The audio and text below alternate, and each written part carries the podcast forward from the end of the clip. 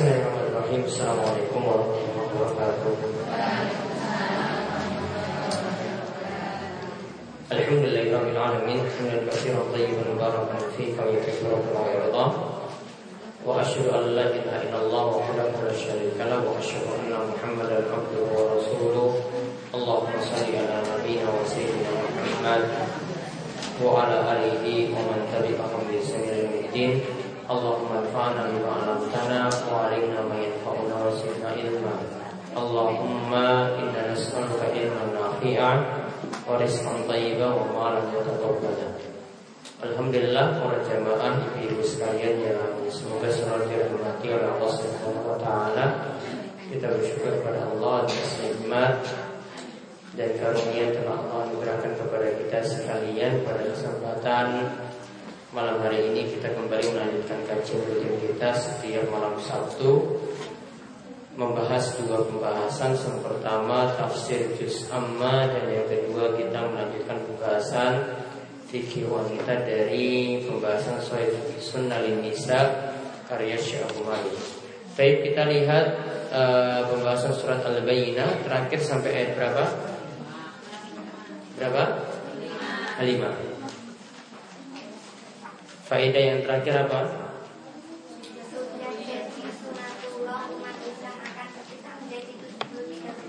Sudah jadi sunatullah umat Islam akan terpecah menjadi 73 golongan Semuanya itu di neraka kecuali satu golongan saja yang masuk surga Tapi sekarang kita lihat dari ayat kelima,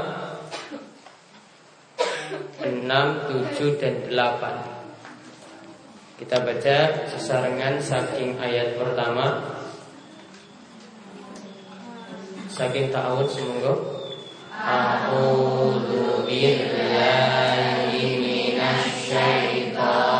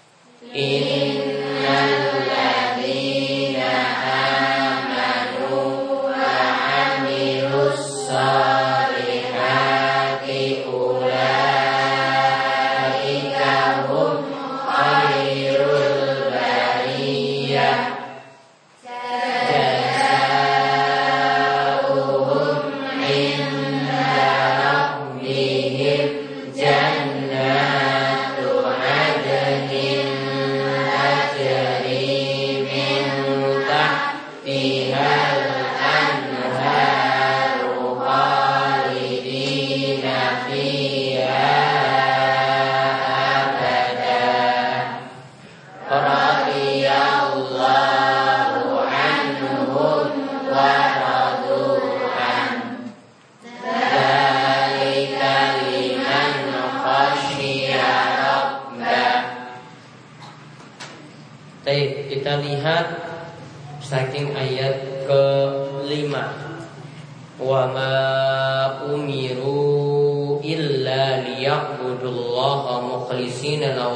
hunafa wa yuqimu sholata wa yu'tu zakata wa dzalika dinul qayyimah artinya tidaklah tidaklah mereka disuruh kecuali untuk menyembah Allah semata. Mukhlisina lahuddin dengan memurnikan ketaatan kepada Allah dalam menjalankan agama yang lurus wa yuqimus sholata dan mendirikan salat wa yutuz zakata dan menunaikan zakat dan itulah agama yang lurus dan itulah agama yang lurus. Baik, sekarang faedah nomor 6.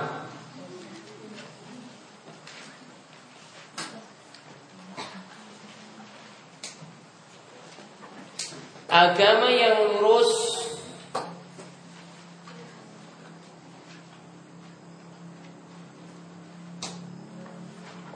Agama yang lurus.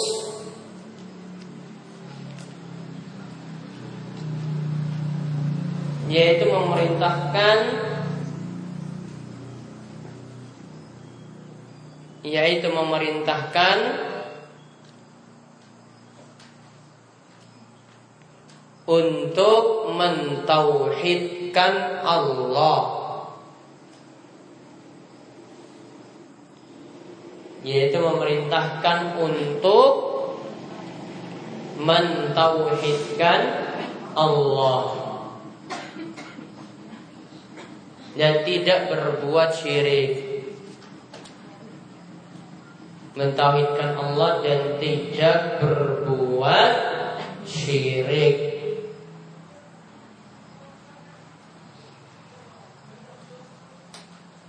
Ini agama yang lurus karena dalam ayat ini Allah katakan wa ma umiru illa liya'budullaha mukhlishina lahuddin.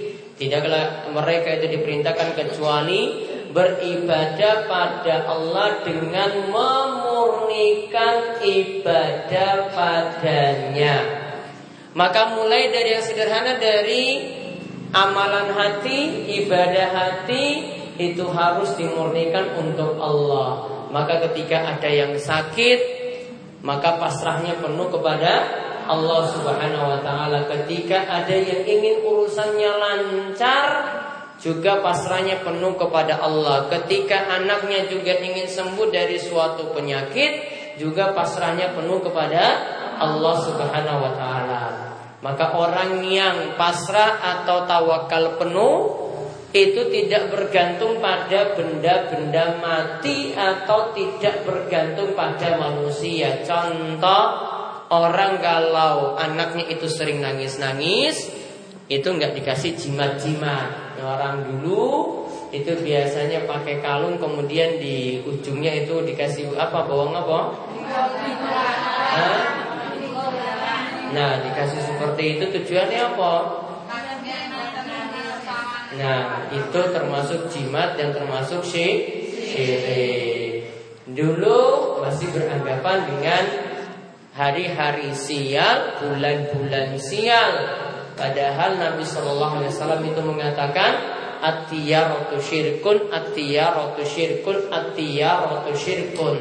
Tiara itu termasuk kesyirikan. Yang dimaksud ini kalau di masa silam di kalangan orang Arab kalau mereka ingin lakukan hajatan mereka itu biasanya melihat dari gerak-geriknya burung. Kalau burung itu terbang ke kanan, maka berarti pertanda baik. Kalau burungnya terbang ke kiri, berarti pertanda buruk. Maka ketika burungnya terbang ke kiri tadi, mereka urungkan niat untuk lakukan perjalanan. Sama seperti orang-orang saat ini kalau ketemu dengan bulan-bulan siang, maka tidak mau lakukan hajatan hajatan. Itu dalam kalangan orang Arab disebut tiara atau kita nganggap dengan anggapan si sial itu tidak boleh dalam is Islam. Maka kalau agamanya ingin lurus harus bersih dari kesyirikan. Kalau agamanya ingin lurus, wajib bersih dari kesyirikan. Kemudian disebutkan wa yuqimus salata wa. Diperintahkan untuk mengerjakan sholat dan menunaikan zakat. Maka catat faedah yang ke-8 Faedah yang ke-7 Berarti buat ngantuk. Iya. Delok volume ya? Ya, mudah-mudahan volume mengantarkan ke surga. Kalau ke surga ya volume. Ya, buatan ya, ya berarti bisa nilai sendiri. Baik. Salat adalah ibadah badan yang paling mulia. Sholat adalah ibadah badan yang paling mulia. Sedangkan zakat adalah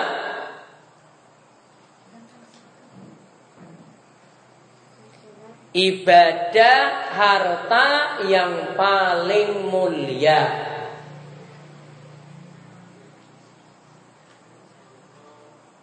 Sholat adalah ibadah badan yang paling mulia Sedangkan zakat yang di, tadi disebut wa zakata adalah ibadah harta yang paling mulia. Ini disebutkan tentang sholat dan zakat. Dan nanti disediakan pintu surga secara khusus. Pintu surga itu ada berapa? Pintu surga ada berapa? Delapan atau tujuh? Atau enam? Ada delapan. Ya, pintu surga itu ada delapan. Apa saja nama pintu surganya? Hah? Apa saja? Apa saja pintu surganya? Arroya. Terus catat, dicatat makanya. Pintu surga ada delapan. Yang pertama, pintu Ar-Royan.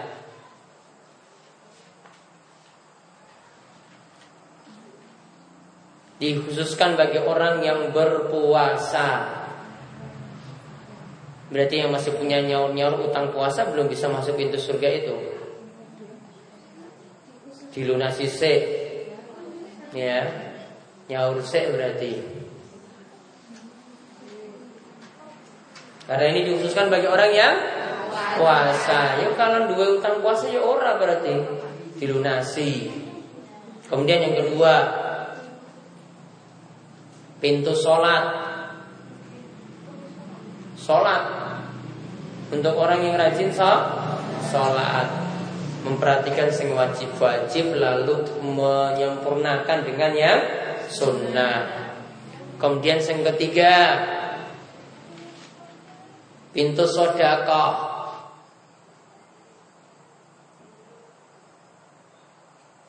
Ini bagi orang yang apa? Sodako. Walau cuma nyumbang untuk masjid misalnya cuma satu bata saja itu sudah dapat pahala besar. Karena dalam satu hadis Nabi SAW menyebutkan orang yang nyumbang masjid walaupun cuma ukurannya itu tempat burung itu taruh telurnya. Ya, burung itu kan punya sangkar yang dia taruh telurnya di situ. Maka kalau siapa yang bangun masjid seukuran itu kalau ada, namun kan ini cuma hiperbolis saja, artinya Nabi SAW sebutkan cuma dalam rangka memotivasi orang kalau yang kecil seperti itu saja dia mau nyumbang maka Allah akan bangunkan rumah seperti itu nanti di surga. Apalagi dia sumbang lebih banyak daripada itu. Kemudian yang keberapa tadi? Sekarang yang keempat, pintu jihad. Ini bagi-bagi orang yang berjihad. Ini bagi orang yang berjihad dengan pedang atau dengan ilmu. Jihad dengan pedang atau dengan ilmu. Termasuk ibu-ibu kalau duduk di dalam majelis seperti ini termasuk orang yang berjihad. Melawan dingin. Itu sudah berjuang. Pulang lagi ya di malam hari. Ya. Kemudian perlu ngantuk-ngantukan juga ketika belajar. Ya kan Iya, itu butuh kerja keras itu gimana bisa konsen biar ngatasi ngan ngantuk. Ya, belum lagi usaha untuk bangun subuh karena ini belajar sampai malam. Uang belajar lagi satu jam dulu ulama itu sampai subuh pun itu masih lanjut. Ya. Kemudian itu pintu yang keempat, yang kelima pintu haji bagi orang yang berhaji. Apa solusinya kalau belum bisa berhaji biar dapat berhaji terus apa? Salat sunat apa? Dua rakaat di pagi hari syaratnya apa? Salat subuh dan masjid Kemudian nunggu sampai matahari meninggi Lalu lakukan sholat kali rakaat Maka dia akan mendapatkan pahala haji dan umroh yang sempurna, sempurna dan sempurna. Sholatnya disebut dengan sholat isyraq. Kemudian yang ke enam Pintu bagi para pemaaf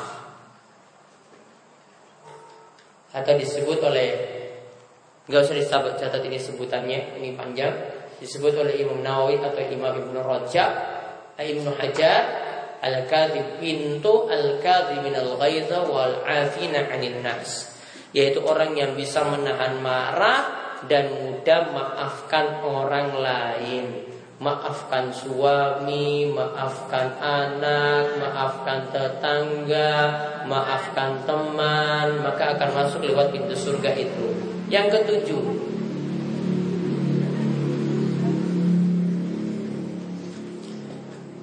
Pintu yang disebut pintu Aiman.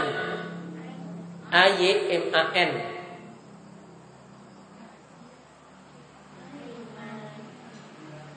Bagi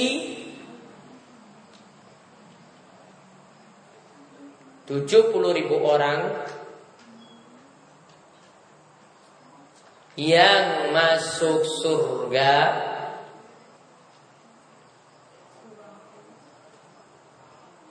tanpa hisap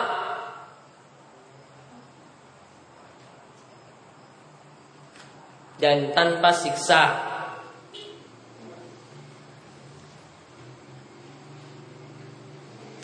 Pernah dengar 70 ribu orang yang masuk surga tanpa hisap? Apa ciri-cirinya? Hmm? Apa ciri-cirinya? Ciri-cirinya ada empat. Tulis ciri-cirinya ada empat.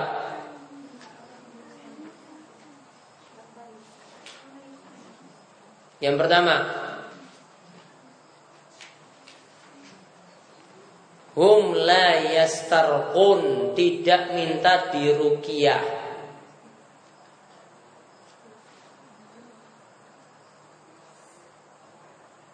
Kemudian yang kedua, wala yaktawun yaitu tidak minta dikei. Pengobatan dengan besi panas. Ya pengobatan dengan besi panas disebut dikei. Dulu orang di masa silam kalau ada tangannya tertusuk pedang maka dia ambil besi panas kemudian ditempel di lukanya tadi sembuh. Kemudian yang ketiga, tidak beranggapan sial dengan sesuatu. Dalam kurung tatoyur Dalam kurung tatoyur Tidak beranggapan sial dengan sesuatu. Kalau lewat kuburan itu, oh selalu sial terus. Kalau ketemu dengan malam Sabtu kok sial terus. Kalau ketemu dengan bulan suro kok sial terus ya. Untuk ketemu dengan tempat ini waktu ini nanti sial.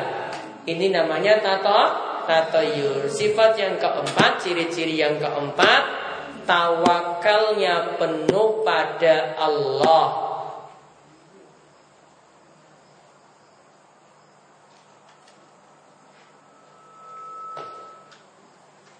Ini nanti akan masuk surga lewat pintu Aiman. Ini untuk orang-orang yang masuk surga langsung tanpa hisab, tanpa azab. Lewat pintu Aiman. Kemudian yang kedelapan, para ulama bersisi pendapat. Ada yang katakan pintu ilmu atau pintu zikir. Pintu ilmu atau pintu zikir. Ada juga yang masukkan pintu ridho atau orang yang yang biasanya ridho dengan ketentuan Allah. Namun tulisannya nomor 8 pintu ilmu atau pintu zikir. Itu 8 pintu surga. Maka ada tadi sholat punya pintu tersendiri seperti tadi bagi orang-orang yang rajin sholat, yang mau memperhatikan sholat. Kemudian sodako yang termasuk tadi kita bahas zakat juga punya pintu khusus yaitu pintu sodako. Mungkin nggak orang itu masuk delapan pintu langsung atau dia boleh milih dari delapan pintu tadi atau dia dia itu punya kesempatan masuk dari delapan pintu tadi mungkin. Maka pernah Abu Bakar As-Siddiq itu tanya kepada baginda Nabi Shallallahu Alaihi Wasallam ketika beliau disebutkan ada pintu jihad, ada pintu sholat, ada pintu sodako, ada pintu arroyan. Maka Abu Bakar As-Siddiq itu tanya kepada Rasulullah SAW, mungkin gak ada orang yang masuk dari pintu-pintu itu semuanya? Dan Nabi SAW katakan, naam mungkin. Kemudian Nabi SAW mengatakan, wa arju anta minhum. Aku juga harap engkau wahai Abu Bakar masuk dalam pintu yang delapan tadi. Kedelapan delapannya masuk semuanya. Karena yang namanya Abu Bakar ketika Nabi SAW tanyakan di pagi hari siapa yang pagi pagi hari ini puasa. Abu Bakar As-Siddiq tanya pada uh, dijawab di antara para sahabat Abu Bakar yang jawab saya yang berpuasa. Abu Bakar As-Siddiq ditanya lagi siapa yang pagi hari ini mengunjungi orang sakit. Maka ketika itu Abu Bakar As-Siddiq jawab, saya yang mengunjungi orang sakit. Kemudian dia tanya lagi, siapa yang di antara kalian yang pergi mengiringi jenazah? Maka Abu Bakar As-Siddiq juga tanya, saya pergi mengiringi jenazah. Kemudian siapa yang memberi makan kepada orang miskin? Abu Bakar As-Siddiq juga jawab saya. Dia borong semuanya. Maka ketika itu Nabi SAW katakan Siapa yang memiliki sifat-sifat tadi Maka dipastikan dia dakhalal jannah Dipastikan dia nanti akan masuk surga Berarti Abu Bakar As-Siddiq dijamin masuk surga dan dia dikatakan oleh Nabi SAW orang yang gemar melakukan kebaikan semacam tadi. Ini dikatakan oleh para ulama Abu Bakar As-Siddiq itu punya rahasia.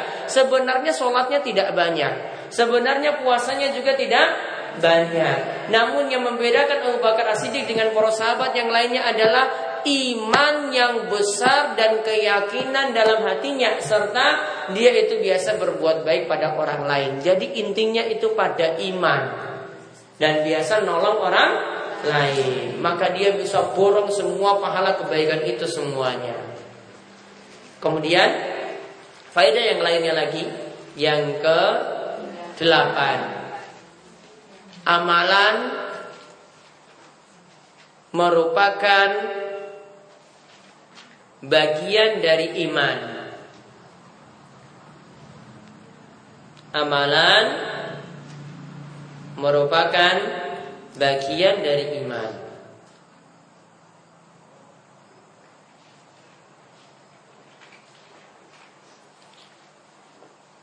Karena dalam dalam ayat kelima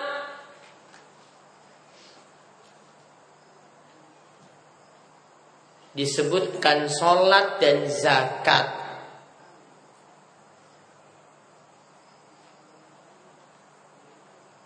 Karena dalam ayat kelima disebutkan sholat dan zakat.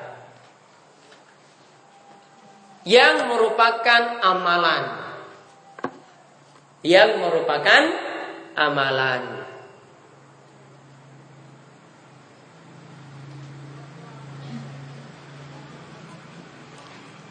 Dan sebagaimana dikatakan oleh Ibnu Katsir, Imam Syafi'i dan Imam Az-Zuhri ketika berdalil bahwasanya amalan itu bagian dari iman, mereka menyebutkan ayat ini wa ma umiru illa liya'budullaha mukhlishina lahu hunafa wa yuqimus salata wa yutuz zakata wa dzalika dinul qayyimah.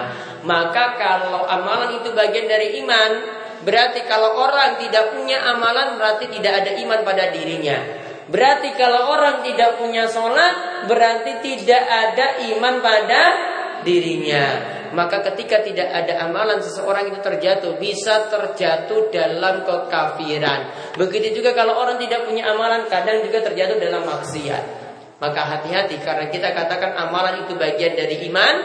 Apalagi sholat itu merupakan syaratnya iman. Kalau tidak ada sholat berarti iman itu tidak ada. Maka kata Nabi SAW Tepatlah orang yang meninggalkan sholat itu disebut kafir. Nabi katakan allazi bainana wa as-shalah kafar. Perjanjian orang muslim dan orang kafir mengenai perkara sholat. Kata Nabi siapa yang meninggalkan sholat maka dia kafir. Umar bin Khattab juga ketika meninggal dunia ia mengatakan la Islam liman taraka sholat. Tidak disebut muslim orang yang meninggalkan sholat. Karena sholat ini bagian dari amanah, amalan Dan ini adalah syarat iman. Maka ketika sholat tidak ada berarti iman tidak ada. Maka imannya jadi batal keluar dari Islam. Nah itu yang kita bahas untuk tafsir surat Al-Bayyinah ayat ke-5, ayat ke-6 dan ke-7 dan seterusnya ke-8 itu membahas tentang balasan bagi orang beriman dan balasan bagi orang-orang kafir. Insya Allah kita rampungkan pada pertemuan